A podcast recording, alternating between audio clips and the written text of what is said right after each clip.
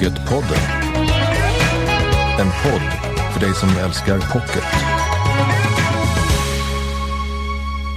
Hej och välkommen till Pocketpodden. Jag heter Lisa Tallroth. Vivica Sten, hon är en författare med fans och jag hör dem upprepa samma sak när de ska förklara varför de älskar hennes Sandhamns-serie. Trovärdighet. Åklagare Nora Linde må ha ett ovanligt vackert skärgårdshus, men det finns i de här böckerna ett klart gehör för dagens Sverige. I fel sällskap så heter Vivica Stens senaste bok och i rätt sällskap är vi, för Vivica kommer strax hit. Dagens andra gäst är Åsa Hellberg. I hennes senaste roman Ett oväntat besök dör en gammal patriark och lämnar efter sig en stor gård och två vuxna syskon som dittills inte vetat om varann. Så kan det gå. Vi ska prata om släkthemligheter och favoritkaraktären kvinna 50 plus med Åsa lite senare. Du lyssnar på Pocketpodden. Ja, det är många som tycker sig känna åklagare Nora Linde och poliskommissarie Thomas Andreasson. Man kan ju till och med kanske tydligt se dem framför sig eftersom tv-dramatiseringen av Vivica Stens Sandhamnsböcker har dragit så stor publik i flera omgångar. Men nu ska vi prata om böckerna och i synnerhet den som nu är aktuell som pocket. Den heter I fel sällskap, den nionde boken i serien. Välkommen till Pocketpodden Vivica Sten. Tack så mycket. Ja, vi har fått följa Nora och Thomas genom åren. Det är glädje och sorg, småbarnsår, skilsmässor, nya relationer, barnen växer upp. Det är ju verkligen en, en eh, nära relation som många läsare tycker sig ha med de här två karaktärerna. Så var är de nu i livet här i den nionde delen? Ja, de är på lite olika platser i livet men här i, i det här fallet så har eh, Nora en väldigt stor roll. Hon har egentligen huvudrollen i, i Fel sällskap därför att hon håller på med ett åtal mot eh, en man som heter Andrejs Kovacs som är en av eh, de ledande figurerna inom droghandeln i Stockholm. I de senaste böckerna har ju hon klivit fram mer och mer. Nu i, eh, i Fel sällskap, då är hon alltså ansvarig åklagare för, för det här fallet och blir också förundersökningsledare. Så att eh, för första gången så får Elin Thomas rapportera till Nora och det tyckte jag var jättekul att få ja, boosta henne lite grann som yrkeskvinna. Hon har blivit lite tuffare helt enkelt och det gillar jag. Mm. Okej, okay, så att, ja, Nora och Thomas utgör ju ramen då, våra vänner genom böckerna. Men eh, som du var inne på, den historia vi kastar oss in i nu, den har jag förstått började med en bild hos dig, en bild av en kvinna som springer med en barnvagn. Vad var det för historia som växte ur den här scenen? För mig är det väldigt ofta så att jag ser, jag ser något, det blir en bild i huvudet och sen så börjar jag lägga pusslet bakifrån. Liksom, varför händer det här? I Fel sällskap, den började med att jag såg en kvinna som sprang över gatan med en barnvagn med en liten bebis. Och det är rätt ovanligt, alltså de flesta springer inte så eh, nästan hysteriskt med sina barnvagnar och, och, verkligen inte att man korsar en gata istället för att gå över ett ögonställe. Och då börjar jag ju bli så nyfiken som författare. Då tänker jag så här, men varför springer hon? Jo, men hon springer för att hon är rädd. Varför är hon rädd? Jo, hon är rädd för, um, hon är rädd för sin man. Varför är hon rädd för sin man? Jo, för han är våldsam. Och så ställer jag frågor på det där sättet och till slut har jag fått ihop hela pusslet varför hon är rädd och varför han är våldsam och vad, vad berodde det på? Och det var embryot till i fel sällskap. Och sen när jag har fått byggklossarna liksom på plats, då går jag tillbaka och så utveckla ett synopsis, precis som vi gjorde i det här fallet. Och det blev rätt omfångsrikt, 56 sidor. Och i det här, då fanns det också en parallellhistoria som växte fram, nämligen bakgrunden till den här eh, mannen. Alltså det, det handlar ju om Mina som är gift med Andrejs och Mina har en liten bebis på tre månader och hon flyr för sitt liv för att hennes man Andrejs, han är våldsam, han misshandlar henne och han är alltså den här personen som blir åtalad av eh, Nora för droghandel. Han tar ut mycket av sin frustration på sin hustru. När han nästan slår ihjäl henne och hon hamnar på sjukhus så försöker Nora övertala henne att vittna mot sin man. Och det blir då upprinnelsen till den här eh, våldsamma jakten där Nora hjälper Mina att gömma sig i skärgården och Andrejs skyr inga medel för att få tag på sin hustru och hindra henne från att vittna. Och som du brukar så växlar du ju mellan perspektiven och karaktärerna. Och en av trådarna som du tar oss med på det är ju den här tillbakablicken till kriget i det forna Jugoslavien. Vi får följa då en, en bosnisk familj, Andrejs familj. Hur fick du tag i den historien?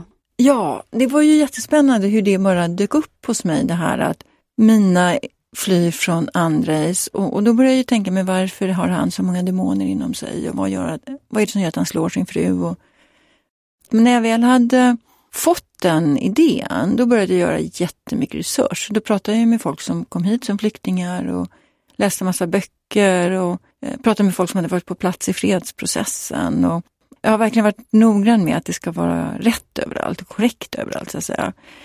Det som, som, som fångade mig mycket, som en av Personer jag pratade med sa var att vi trodde aldrig det här kunde hända. Vi, var, vi bodde i ett civiliserat land, sa, sa den här personen då.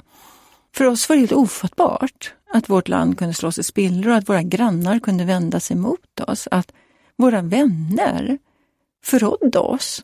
Och det där tycker jag är så intressant. Jag tror ju att man vet, vi vet inte själva vad som skulle hända om kriget kom till Sverige, men det är en väldigt intressant studie i psykologi kring hur folk reagerar, vad som händer och hur man beter sig mot varandra. Och, och sen också den här enorma behovet och kärleken föräldrar har av att skydda sina barn. Det tycker jag är så intressant och det löper ju både i nutidshistorien och i dåtidshistorien. Alltså att Mina vill till varje pris skydda sin son och Andrejs mamma vill till varje pris skydda sin son Andrejs.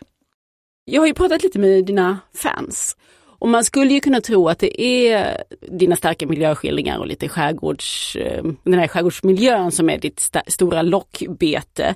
Men jag tror ju nu här när jag pratar med, runt med, med läsare till dig att det som man verkligen hugger på, det är att det är trovärdigt och att det är relevanta samtidsfrågor som du skildrar. Och just det här ordet trovärdighet, det återkommer. Vad betyder det egentligen? Vad tänker du? Alltså jag gör ju jag är ju väldigt, väldigt angelägen om att berättelsen ska vara just trovärdig på så sätt att jag, jag gör väldigt mycket research. Jag försöker gestalta mina karaktärer som människor av kött och blod. Alltså jag blir själv så otroligt irriterad när jag läser du vet, någon amerikansk eh, kriminalroman där huvudpersonen eh, ser sin bästa vän dödas på natten och sen går han hem och sover några timmar, byter skjorta, kommer tillbaka till kontoret och så säger chefen Are you okay? Och så säger han I'm fine. I just need some coffee. Och man bara så här, eller hur, du behöver gå i terapi i flera månader för att överhuvudtaget kunna visa dig på kontoret igen. Alltså, så jag vill ju att läsarna ska uppfatta Nora och Thomas i synnerhet och de andra karaktärerna i allmänhet eller tvärtom som riktiga personer. Alltså, och riktiga personer de har ju jättesvåra knepiga situationer på sitt jobb. Ibland har de svåra knepiga situationer privat. Ibland är de glada, ibland är de ledsna. Men man ska känna att det här, det här är på riktigt, det här kunde utspela sig. Det får inte vara, det får inte vara liksom eh, X-Men-känsla av att de här har ju superkrafter. Men jag får nästan känslan att du vill vara snäppet mer än trovärdig. Du vill helst ligga alldeles precis vid sanningen, även om du fortfarande håller dig i, i, inom romanens och fiktionens form. Jag tänker, du lotsar ju till exempel läsaren också genom eh, ja, men genom en, en process där åklagare och polis arbetar och, och det ska, ska man liksom också kunna hänga med på, det ska vara realistiskt och samtidigt ska det vara spännande det låter lite som olja och vinäger. Att å ena sidan försöka liksom vara helt sanningsenlig och å andra sidan skapa en spännande thriller. Jag tycker det är tvärtom. Om jag läser en bok där jag kan något, om det är ett specialområde jag kan, och så hittar jag någonting som är fel, då förstör det hela bokupplevelsen. För då tänker jag bara om det här är fel, är det mera saker som är fel? Varför har de inte gjort sin research? Varför har de inte koll på det här? Och jag vill ju inte att läsaren ska distraheras av den sortens tankar. Jag vill att läsaren ska sugas in i mitt universum och bara vara inne där och bara njuta av berättelsen och bara, bara fokusera på, på texten. Och därför är det så viktigt för mig att allting som kan distrahera, det måste jag eliminera. Det måste vara rätt hela vägen. Och jag, jag får ju rätt ofta höra av poliser att de gillar mina böcker därför att, därför att jag inte är ute och cyklar. Liksom. Jag har inte höftat till som en del författare kanske gör utan de känner igen sig. De kan säga, ja men precis så där är det, eller det här stämmer, eller wow. Tillåter du dig några kompromisser? Jag tänker till exempel att Verkligheten föreställer jag mig ofta lite mer utsmetad över tid och det ska vara fler personer kanske inblandat vilket blir svårt att, eh, Eh, att få till i en bok när man ändå vill ha ett koncentrerat händelseförlopp. Det är naturligtvis riktigt. Alltså, i vanlig, alltså en riktig, riktig polisinsats har ju inte en eller två stjärnor. Utan det är ett lagarbete. Alltså det är kanske 20 personer som långsamt och mödosamt under flera månader pusslar ihop saker tills tills man har ett case. Det går ju inte i en kriminalroman. Utan här måste man ju förenkla det. Och om vi tar just i fel sällskap, då har jag faktiskt skrivit i efterordet att jag har låtit Nora, hon jobbar ju väldigt tätt ihop med sin en, en eh, polis som, som heter Leila. De får ta vissa förhör med, eh, med mina inledningsvis, som egentligen polisen skulle, som skulle tillhört en särskild grupp för våld i nära relationer borde ha tagit. Men då, då har jag ju kompromissat, sagt, nej men det blir för krångligt, jag kan inte ta in flera karaktärer. Så att, den det stör dig lite, eller hur? Lite, alltså, så mycket så att jag liksom ber om ursäkt för det i efterordet. Eller hur? Så jag är, ju, jag är väldigt på detaljerna.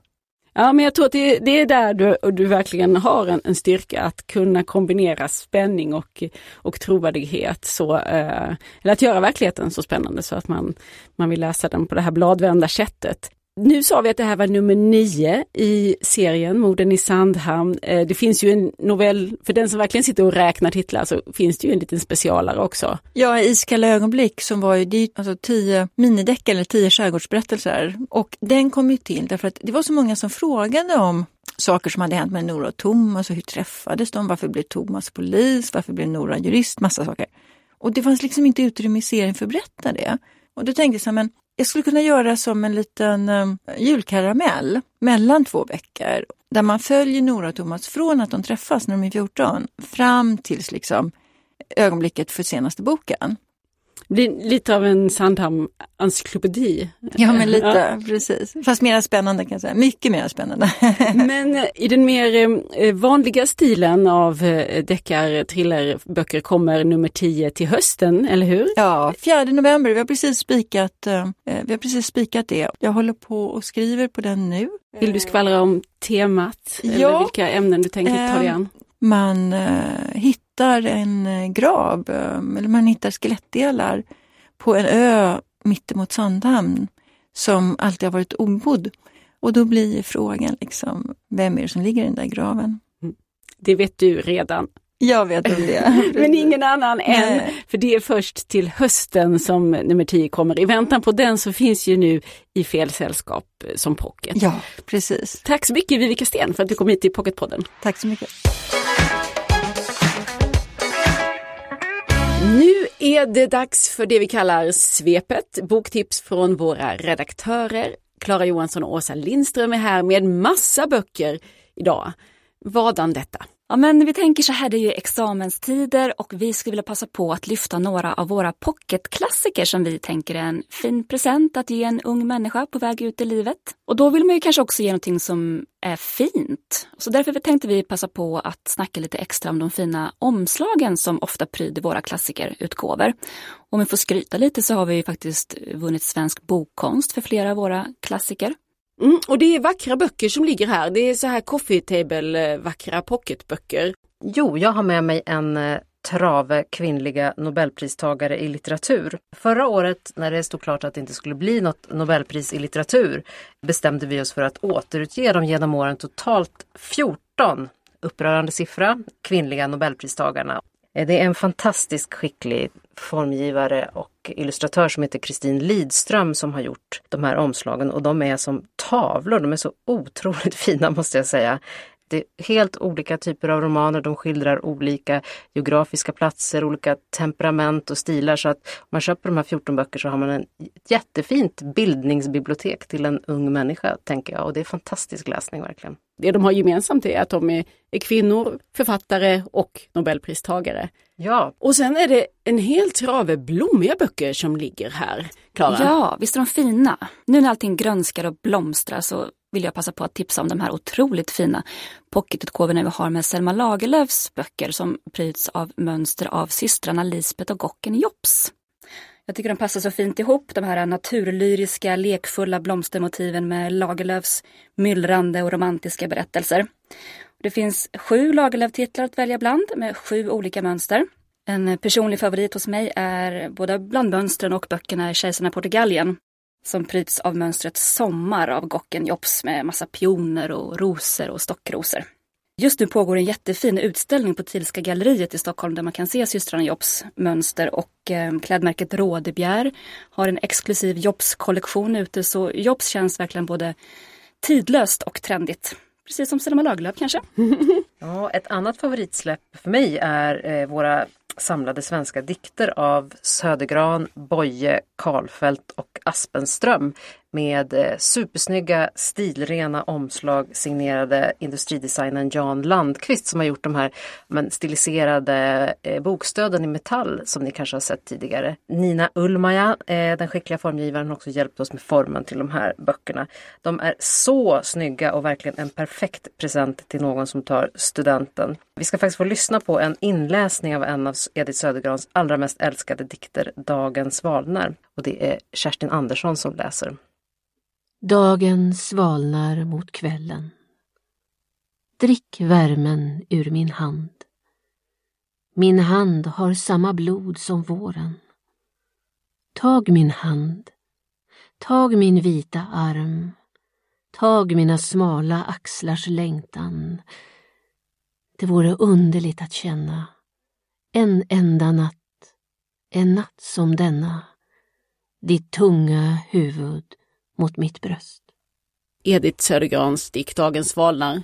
Och Edith Södergran finns med i den här serien av klassiska diktare i en sammanhållen serie. Ja, precis. Jag vill också passa på att säga att vi har jättefina broderade utgåvor av Vilhelm Mobergs Utvandrarsvit.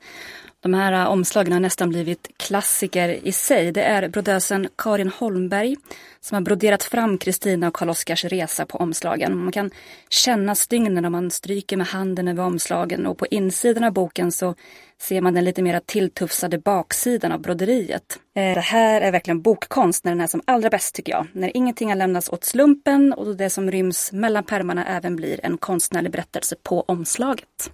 Vilhelm Mobergs utvandrarserie då i pocket. Ja men kanon, bra presenttips i dessa presenttider, examenstider. Tack så mycket Klara Johansson och Åsa Lindström. Tack! Pocketpodden. När Åsa Hellberg kommer med en ny bok, ja då rasslar det till i många bokbloggar och det har skett också denna gång. Den senaste romanen heter Ett oväntat besök och jag känner mig frestad att citera en av de här bokbloggarna. I hyllan skriver Jag trodde jag hade hela storyn klart för mig när jag läste intrigen, men ack vad jag bedrog mig för här händer det grejer minsann både oväntade och väntade saker. Välkommen till Pocketpodden Åsa Hellberg. Tusen tack! I den här podden så hamnar vi ofta i att diskutera genrer.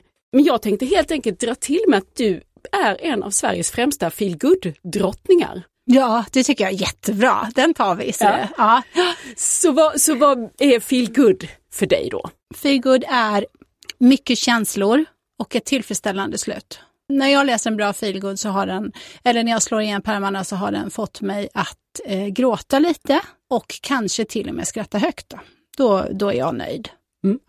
Du beskrev min känsloresa där ganska bra. Ja. När jag läste ett oväntat Ja, besök. och den känsloresan ska man ju faktiskt ta också själv när man skriver, tänker jag. Alltså, eh, och det kan ju låta eh, inte klokt när man säger att man sitter hemma och gråter och skrattar och tycker att man är emellanåt en stjärnförfattare. Medan man nästa dag tycker, vad är det här för elände såklart. Då, va? Det, det svingar ju däremellan. Men, men eh, ja, när jag själv blir berörd av det jag skriver så tror jag att jag har hittat rätt. Då tror jag att jag har hittat mina läsare i alla fall. Ja, och du har ju nu detta bok nummer åtta och du har rört dig i den här feelgood-genren. Kan du tänka sig att det finns några begränsningar i, i att hålla sig till en genre? Att du, det finns saker du inte får göra här som du kanske skulle Ja, kunna det tänka finns, dig? ja, det finns det nog. Jag kan märka det när jag redigerar att, jag, att min redaktör kan hugga på vissa saker där jag har gått lite overboard med. Det kan vara vad som helst egentligen. Men jag, eh, för, för att utmana mig själv lite grann då, för att jag har inget tålamod överhuvudtaget. Jag lider fullkomlig brist på tålamod. Så är jag ju också och, och liksom rotar runt lite grann i andra genrer. Så jag har skrivit en ungdomsbok nu till exempel och jag har skrivit en rätt svart komedi också, en kortroman som är sotsvart där ingen av mina läsare känner igen mig överhuvudtaget. Och då kan man ju vara lite kanske eh, tänka på det som att det inte var bra. Men jag tänker att det är bra att de inte känner igen mig överhuvudtaget. För då har jag ju lyckats skriva någonting helt annat.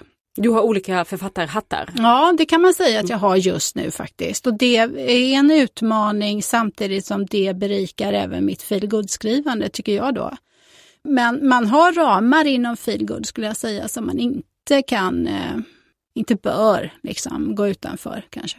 Och din bok som vi ska prata om nu då, Ett oväntat besök, det är då Nicky som står i centrum. En rätt cool, tycker jag, eh, kvinna i 50 plus åldern. Hon driver ensam sin fars stora herrgård är det väl, Gyllentofta heter den och där finns det framförallt ett stall fullt med hästar, det är själva verksamheten. Och den här pappan är en frånvarande figur som helst eh, lever sina dagar på Mallorca. Och så dör han plötsligt och Nicky får ärva hela gården. Ja. Tror hon. Tror hon. Men det visar ju sig då att hon har en halvbror som hon aldrig har vetat om. Ja. Och sen är vi ute på landet. Det är stalldoft och gummistövlar. Är det här din värld? Det här är min uppväxtvärld skulle jag säga. Jag är ju född och uppvuxen i Fjällbacka de första åren och sen så när jag var 12 så gifte sig min mamma med en bonde. Och då flyttade jag två mil från Fjällbacka till Tanumsede där ändå jag skulle gå på högstadiet sen. Västkusten är också med i boken. Ja, västkusten är med och då tänkte jag så här, Fjällbacka, nej men det känns lite taget. eh, fast jag kommer igen eh, med Fjällbacka i den nya romanen i höst istället. Men, men ja, jag vill ändå vara på västkusten och eh, befinner mig, vi befinner oss i alla fall någonstans eh, i Sotenäs kommun i Hunnebostrand och eh, på Smögen. Mm. Det är andra, den andra platsen. Och den andra platsen och så har vi landet då. Så eh, jag skulle säga att de platserna har jag plockat eh, ifrån min uppväxt. Men själva hästgården har jag plockat ifrån min bästa kompis som faktiskt har en hästgård.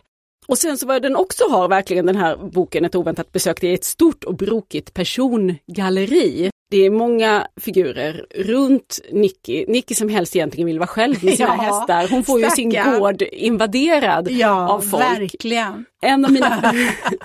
Det var roligt att skriva det, du förstår det. Ja, ja det förstår jag. Och, och, och, du har en helt underbar figur i Nickis bästa vän. Ja, Annie. Hon är präst. Tvivlar på om hon verkligen ska vara präst. Ja, det gör hon. Berätta om henne, vem är hon? Det är ju så när man skriver böcker att man vill ha kontraster. Och jag då som inte har något tålamod, jag behöver ju kontrasterna när jag ska skriva för att det ska vara roligt och jag skriver lite ibland varannan kapitel och sådär. Men Annie är ju, kommer från en jätte jättestor familj till skillnad från Nicky då som har varit ensambarn. Hon har flera syskon men hennes föräldrar har ju varit strängt religiösa och hon är väldigt, väldigt präglad av det också. Eh, och slits någonstans mellan att frigöra sig helt, slänga kläderna och ha sex i en pool på Mallorca till att dra upp kragen och aldrig titta åt en man igen. Och hon beter sig rätt så illa i sin församling, gör hon. Eh, och till sist så får hon sparken. Och då har hon ingenstans att ta vägen. Så hon får flytta in på gården. Så hon är en av de väldigt många då som till sist återfinns på Gyllentofta. Eh, så ja, de är ett bra team. Ja, och sen är de eh, nyanserade. Du, du brukar ju få beröm för att du eh, lyfter fram människor som trots mogen ålder, om man ja. säger så, ja. inte är sådär himla säkra på sig själva precis. och har allt eh, uträknat. Ja, precis, och, det, och, jag, och jag tänker också att det är ju så tacksamt, eh, för hittills har jag ju skrivit om kvinnor som är min egen ålder, de har ju följt min ålder. Jag skulle säga att det skiljer sig inte så mycket i hur man är som människa, man är, eller känslomässigt om man är 35 eller 55, men man har varit med om samma sak så många gånger, så många fler gånger när man är 55 än när man är 35. Så att man har ett, fått ett annat perspektiv på känslorna i sig. Sen känner man lika mycket, eh, skulle jag säga. Man är lika osäker, men man har ett annat sätt att hantera det på. Sen tycker jag också det är skönt och roligt att skriva om kvinnor som är självständiga. Det är rätt så viktigt och är de inte självständiga så måste de få bli det i mina böcker. Vilket är, det är för mig en otroligt stark feministisk fråga också, att kunna klara sig själv som kvinna. Där jag tillhör den första generationen kanske som gör det. Vi kan klara oss utan man. Men jag har också träffat på kvinnor i min generation som, som eh, fortfarande sitter fast i att de, om de skiljer sig så har de ingenting för huset står på maken, företaget står på maken. Eh, de kan inte skilja sig för de har inte råd helt enkelt. Ja, och då glider vi in på ett annat viktigt tema för den här boken. Familjerätt. Man får sig en lektion, faktiskt, Ja, spännande man. lektion Ja. i, i hur det här kan fungera om, man inte, om testamentena inte är genomtänkt eh, skrivna. Ja. Eftersom det är en stor arvstvist som dyker upp i boken. Du gör ett litet PS eh, i boken, Mm. en tackord där du skriver att under tiden som du skrev den här boken Ja, just det här Blev du- med att släktingar dyker upp. Ja, jag har ju då aldrig träffat min pappa och har på hans sida då eh, sju stycken halvsyskon som jag inte har något som helst intresse av. Jag har också en halvbror på min mammas sida som jag ju betraktar som min lillebror då, som jag fick när jag var 12. Men eh, ja, det hände sig då vid den tiden att jag fick ett samtal ifrån Norrland ifrån en eh, man som ringde som hette Tore och som sa det var inte lätt att hitta dig, sa han. Och då visade det sig att min pappa hade elva syskon tror jag. Men han hade en syster som hade dött. Och i min pappas, eftersom min pappa, min biologiska pappa dog när jag, jag har aldrig träffat honom, eh, han dog när jag var 40, så gick ju jag och mina sju syskon in som ställföreträdande i liksom det här arvet då efter systern som var ogift och hade bott på institution sedan hon var tre år gammal, förstod jag det som, eller om hon var som en treåring. Jag minns inte, hon har nu alltid bott på institution. Och hon dog nu och eh, hade en, en liten summa pengar och då skickade ju han då eh, en lista till mig på alla som var kallade till bouppteckningen och då dök det ju upp ja, men typ 27 kusiner liksom, på hans sida eftersom han hade så många syskon. Så att eh, ja, så kunde det bli och då skrev jag om detta i min blogg. För att efter min pappa fick jag inte en, en tesked och då sa jag, skrev jag i bloggen att jag kanske ska åka på den här bouppteckningen som jag kallar kallad till den här gången. Då skulle väl mina halvsyskon bli alldeles... Och då visade det sig att jag har en kusin i Dalarna någonstans som eh, undrar vem är den här Åsa Hellberg när hon får hem listan på alla som är arvsberättigade och började googla och landa på min blogg och ser det här inlägget och sen så skriver hon då som svar i det inlägget att ja men här har du en kusin, jag kan uppdatera dig på släkten om du är intresserad. Så sen dess har vi haft lite mejlkontakt och jag har fått massa bilder och sådär på min hemska farfar och min farmor som tydligen var väldigt snäll och sådär. En del av mig som jag ju överhuvudtaget inte har känt till eh, alls. Det låter som att du har en släktkrönika nästan att det skriva. jag. Visst också. har jag det. Ja, egentligen har jag ju det naturligtvis. Ja, så är det. Massor att berätta från min mammas sida också med, med en, mormor som växte upp på barnhem. Och sen en morfar som blev övergiven av sin pappa som åkte till Amerika när han var fyra år och han hade mm, tre yngre syskon. Så att det finns massor att berätta egentligen. Jag nuddar lite vid det med de nya romanerna eh, framöver. Men, men eh, fortfarande feel good men kanske med ja, en annan eftertänksamhet kanske. Jag vet inte. Det kan jag inte säga. Men i alla fall. ja, det finns mycket att berätta. Det finns mycket att gräva ur. Och det gör det ju när man är 57. Och, och i den här boken, Ett oväntat besök, så finns det i alla fall en, en, en liten svans av detta. Absolut. Hur trassligt Ja, det visst. kan bli när inte dels inte vet vem man är släkt med Ja. och dels eh, inte Alltså heller har en sån, papperna en, på sån liten, en sån liten fråga som när man ringer till doktorn och så frågar doktorn liksom, vad har du för sjukdomar i familjen? Mm. Så kan man faktiskt inte ens säga det. Och det kan ju inte Nicky göra heller. Så visst, jag kan ha lagt ner mycket av mina egna känslor i Nickis där. Hon kan inte ha några känslor för en halvbror hon aldrig någonsin har träffat. Och jag har ju träffat en av mina halvbröder på min pappas sida. Jag kände ingenting för honom. Man känner ingenting bara för att man har en gemensam släkting. Man önskar nog att man kände, men det är inte alls nödvändigtvis så att man känner. Men du, det var någon som skrev på sin blogg att det här är det bästa Åsa Hellberg har skrivit. Håller du med om det? Ja, ja, jag håller med om det. Jag tycker att det finns en ordentlig konflikt här som är, har varit spännande att skriva om. Tack så mycket för att du kom hit Åsa Hellberg. Tack för att jag fick komma. Pocketpodden görs i samarbete med Adlibris. Till och med den 7 juni får du 10% rabatt på titlarna i veckans avsnitt. Uppge rabattkoden Pocketpodden. Tack för idag. Pocketpodden är tillbaka varannan fredag med ett nytt avsnitt. Fram till dess, följ oss gärna i sociala medier. Där heter vi Älska Pocket och bjuder på fler boktips förstås. Jag heter Lisa Tallroth. Hej så länge. Du har lyssnat på Pocketpodden. En podd från Bonnierförlagen.